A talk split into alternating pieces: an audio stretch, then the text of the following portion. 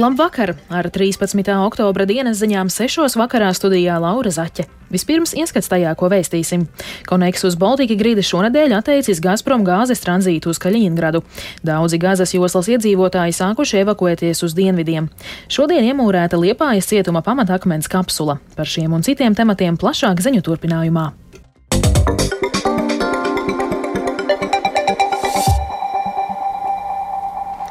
Valdības ātrie lēmumi slēgt divus robežšķērsošanas punktus ar Krieviju ir labs piemērs, kā reaģēt uz Krievijas izvērstajiem hibrīdkara elementiem. Vienlaikus nav pamata domāt par Krievijas agresīvu izgājienu mazinās, mazināšanos. Saimas deputātu un pētnieku viedokļus par metodēm pret izvērsto hibrīdkaru apzināja Jānis Kīncis. Krievijas paziņojums Ukrainas pilsoņu ieceļošana no Eiropas Savienības pa sauszemi atļauta tikai caur nelielo vientuļu robežu punktu prasīja ātru pretreakciju. Valsts robežsardzes priekšnieks Guntis Pojāts intervijā Latvijas radio paskaidroja, ka šādi nerīkojoties pie vientuļu robežu kontrolas punkta tā nelielās caurlaidības dēļ veidotos milzīgas cilvēku grupas, kas Latvijai draudētu ar humāno krīzi. Šī epizode, tāpat arī nesenā gāzes vada spridzināšana Somulīcī, draudu e-pasta skolām un bērnu dārziem Latvijā un Igaunijā, tie Tie visi ir Krievijas izvērstā hibrīda kara elementi nolūkā radīt haosu, secina Saimnes Nacionālās drošības komisijas vadītājs Ainārs Latkovskis no jaunās vienotības. Kā mēs redzam, viņi ir nedaudz atgūsies no sākumā milzīgiem zaudējumiem Ukrainas karā, un tagad, kad frontē situācija ir tāda, ka viņi nevirzās ne uz vienu, ne uz otru pusi, tad tie, kas sēž Maskavā, var plānot savus šos te hibrīda kara elementus, ko viņas izvērš pret rietumiem. Tā tad atkal jārēķinās ar jauniem gājieniem. Jā, tie nāks vēl klāt, un šeit ātra un skaidra reakcija, jeb sitiens pa muti Krievijai, kā līdzīgi vakardienu robežu punktu slēgšana, ir vitāli nepieciešams. Ideāli, ja reģiona valstis saskaņo reakcijas un atbildes uz dažādiem Krievijas izgājieniem. Līdz šim tas ir izdevies, vērtē Saimnes ārlietu komisijas vadītājs Rihards Kols no Nacionālās apvienības. Mēs redzam, sākotnēji jau arī nebija viegli ar tām pašām vīzām, ar ieceļošanu, tas pakāpeniskā koordinēšana izveidojās no Polijas līdz pat Somijai. Šis ir arī tāds pats process, kas tagad notiek. Tas lēmums slēgt šos divus robežu kontrols punktus ir skaidrs atbilde Krievijas rīcībai. Un, ja tas turpinās, tas jau neizslēdz, ka kādā pārskatāmā nākotnē vispār robeža ar Krieviju var slēgt. Ar agresīvās un vienlaikus oportunistiskās Krievijas izvērstajiem hibrīda kara elementiem mūsu reģionā sadzīvojam jau ilgi, un nekas neliecina, ka tie varētu mazināties, vērtēja Austrum Eiropas politikas pētījuma centra pētnieks Mārcis Balodis. Krievijai patīk izmantot šādus hibrīdu draudu instrumentus. Tie viennozīmīgi traucē. Tie var apdraudēt arī sabiedrisko kārtību un arī nacionālās intereses. Krievija to dara, Krievija to dara īpaši aktīvi kopš 2014. gada. Vientuļu un pēdējais robežu ķērsošanas vietas uz Krievijas robežas slēgs pirmdien, 16. septembrī. Jānis Kincis, Latvijas radio. Dabasgāzes pārvades un uzglabāšanas operators Latvijā Koneksus Baltigride šonadēļ atteicis uzņēmumam Gazprom jaunadēļ plānotu gāzes tranzītu uz Kaļiņingradu. Spēkā esošie noteikumi liedz gāzes piegādes no Krievijas Baltijā, bet tranzīts ir atļauts. Šajā mēnesī bija plānota cauruļvadu diagnostika virzienā uz Igauniju, taču nesenais zemūdens cauruļvadu bojājums starp Igauniju un Somiju licis šos plānus mainīt. Reģionā izmainījās gāzes plūsmu sadalījums, tāpēc Koneksus Baltigride neakceptēja gāzes pārvades pieejamu pieteikumu. To garantēt, neietekmējot iekšējās plūsmas, nebija iespējams. Gazprom aicināts pieteikumu saskaņot vēlāk. Tā šo lēmumu apstiprinot Latvijas radio rīcībā esošo informāciju paskaidroja Koneksus Baltigrida valdes priekšsēdētājs Uldis Baris. Es gribētu tikai pateikt to, ka, lai arī nu, tas notikums ir ļoti nopietns kopējai gāzapgādes sistēmai, nu, viņš ietekmē Somijas iegādes.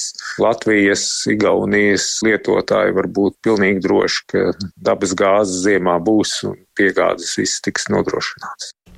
Civilās aviācijas aģentūra no pirmdienas, 16. oktobra līdz 31. decembrim atļāvusi ieviest plašus gaisa telpas izmantošanas ierobežojumus Latvijas-Baltkrievijas robežas tuvumā. Ierobežojumi būs noteikti gaisa telpā no Laudariem Krievijas pierobežas zonā līdz Medumiem Lietuvas pierobežas zonā, iekļaujot tādas apdzīvotas vietas kā Dagda, Krāslava un daļu Daugaupils.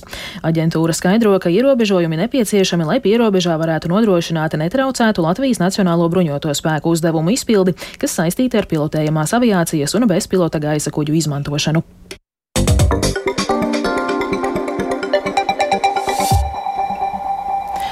Izraēlas aizsardzības spēki jau sešas dienas īstenojuši gaisa un artilērijas cienus pret Hamas objektiem šī grupējuma pārvaldītajā Gazas joslā.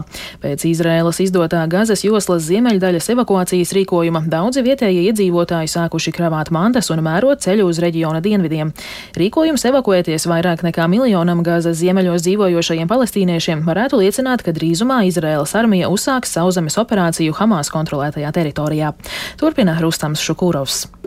Izrēla paziņoja, ka šo sešu dienu laikā uz gazu nometusi 6000 bumbu, un Izrēlas gaisa spēki trāpījuši vairāk nekā 3,5 tūkstošiem mērķu. Šos Izraēlas armijas īstenotos triecienus un Gazas joslas pilnīgu blokādi organizācijas Atlantic Council eksperti nodēvēja par ceļa bruģēšanu sauszemes ofensīvai. Par Izraēlas gatavību uzsākt sauszemes operācijas arī liecina aptuveni 360 tūkstošu armijas rezervistu mobilizācija, artilērijas un smagās militārās tehnikas izvietošana pie Gazas robežas. Tāpat eksperti norāda, ka Izraēlas flote bloķējusi jūras ceļus, lai nodrošinātu, ka grupējums Hamas netiek apgādāts ar ieročiem un munīciju. Jāmin, ka izziņotajam paziņojumam par Gazas joslas ziemeļu daļas evakuāciju 24 stundu laikā sekoja ANO mudinājums Izrēlai atcelt rīkojumu par to. ANO ģenerālsekretāra pārstāvis Stefans Dužāriks paziņojis, ka Gazas joslas iedzīvotāju evakuāciju tik īsā laikā paveikt bez postošām humanitārām sekām nav iespējams. Šodien Izraēlas armija nāca klajā ar paziņojumu, kurā norādīja, ka palestīniešu evakuācija no Gazas ziemeļiem uz dienvidiem prasīs vairāk nekā 24 stundas.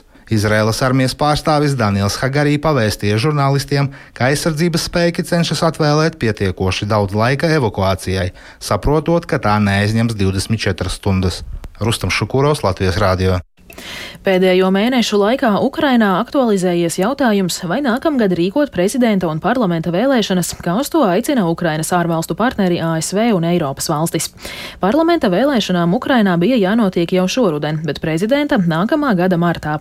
Ukrainas likumi un konstitūcija gan aizliedz rīkot vēlēšanas laikā, kad valsts ir kara stāvoklī. Simts Ukraiņu nevalstiskās organizācijas ir parakstījušās pret vēlēšanu organizēšanu. Viena no tām ir arī platforma Opora. Turpina tās pārstāvis Anatolijas Bondarčuks. Багато де виборча інфраструктура вона зруйнована, тому що це школи зазвичай. Daudz kur vēlēšanu infrastruktūra ir iznīcināta, jo tās ir skolas, komunālās saimniecības ēkas. Tur nav iespējams nodrošināt drošību. Otrs - ļoti daudz cilvēku, pēc mūsu datiem ap 6 līdz 8 miljoniem ukrāņu šobrīd atrodas ārzemēs. Kā iesaistīt šos cilvēkus balsošanā? Tas ir ļoti sarežģīts jautājums.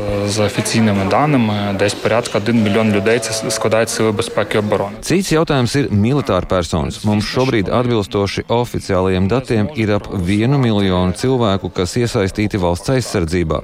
Protams, ka viņi nevarēs nobalsot ierakumos. Skaidrs, ka ne visi atrodas ierakumos, bet liela daļa tur ir. Tātad vēl viens miljons cilvēku, ļoti nozīmīgu cilvēku, kas šobrīd aizstāv valsti, viņi nevarēs nobalsot. Tā mums ir problēma. Проблема для нас. Tāpat, ja vēlēšanas notiktu, būtu arī jānodrošina starptautisko novērotāju darbu frontes apgabalos, kur vide ir ļoti nedroša un notiek sīva kara darbība. Turklāt Ukraina nevarētu nodrošināt vēlēšanu procesu arī tās okupētajās daļās, kur šobrīd iegājis Krievijas karaspēks. Un būtu jāatrisina jautājums, kā nobalsot varētu miljoniem ukraiņu bēgļu visā pasaulē.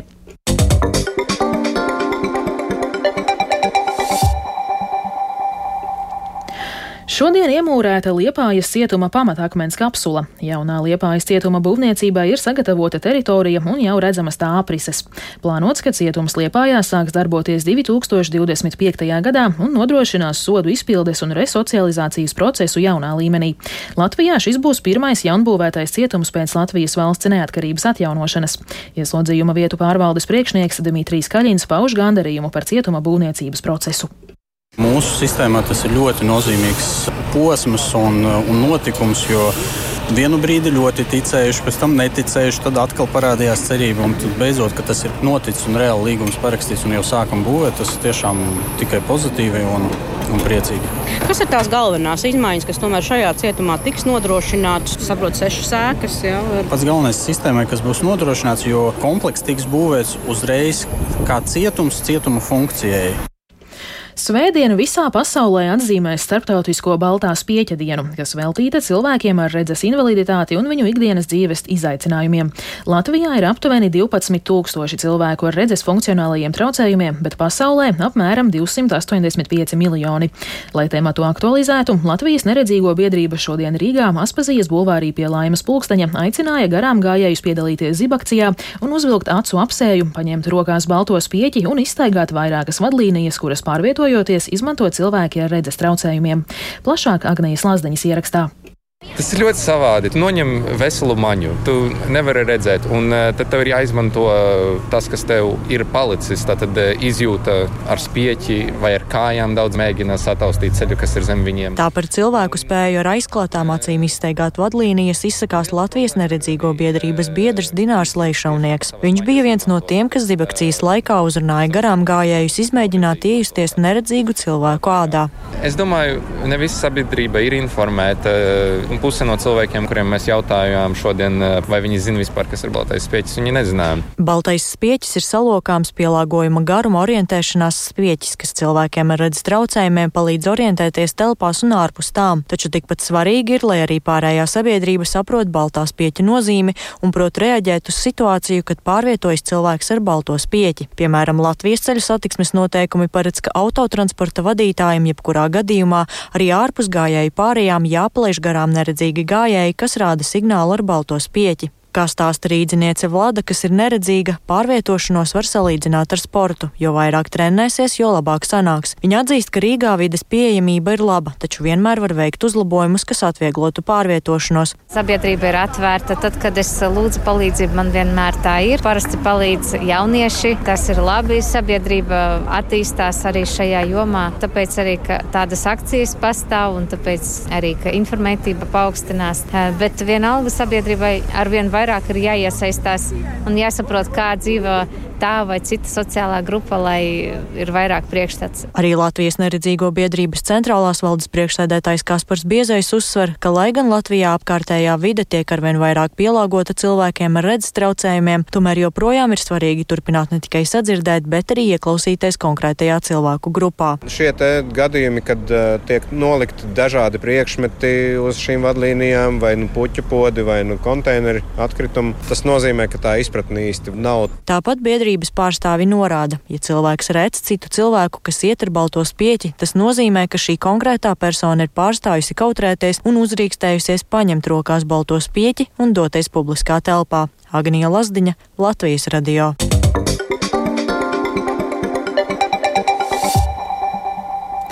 Latvijas hokeja izlases aizsargs Uvis Jānis Balinskis šorīt debitēja Nacionālajā hokeja līgā. Tas notika mačā, kura viņa pārstāvētā Floridas Panthers sezonas pirmajā cīņā ar 0 pret 2 zaudēja Minnesotas Wild. Balinskis kļuva par 28. hokeistu no Latvijas, kurš aizvadījis kaut vienu spēli pasaules spēcīgākajā līgā. Balinska pirmais treneris Roberts Grosbergs sarunā ar Latvijas radio audzēkņa debiju novērtēja atzinīgi.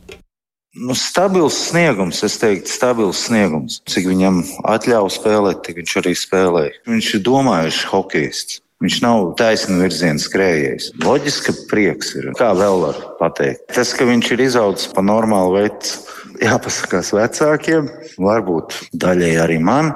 Jo jau ir tāds puika, viņš atbrauks uz Vēncpili. Viņš vienmēr piezvanīs, mēs satiksimies, izrunāsim, un viņš māk pateikt paldies, tur viss ir kārtībā. Ar to izskan 13. oktobra dienas ziņas. Producente Vija Bremse, ierakstus montēja Renāša Steimanis, pieskaņu pults Ernests Valds Fjodorovs, bet studijā Laura Zaķe. Vēl tikai par laikapstākļiem. Yeah. Rīgā šobrīd ir 12 grādi un pūš dienvidu vējš 3 m2. Atmosfēras spiediens 760 mm, bet relatīvais gaisa mitrums ir 67%.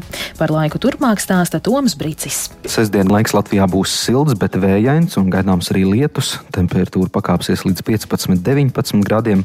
Arī svētdiena vējaina un brīžiem gaidāms lietus, taču temperatūra pazemināsies un gan naktī, gan dienā būs 6-11 grādu robežās. Dienvidrietumu vēja brāzmas brīvdienās sasniegs 12, 17, piekrastē ap 20 metriem sekundē. Nākamnedēļ kļūs vēsāks, nedēļas sākumā naktīs vietām salna, dienās 5, 11 grādi, bet nedēļas otrajā pusē neliels sals naktīs jau būs daudz vietā Latvijā, turklāt vietām pat ap mīnus 5 grādiem, bet dienās gaisa iesils tikai līdz plus 1, plus 5 piekrastē 6, 9 grādiem.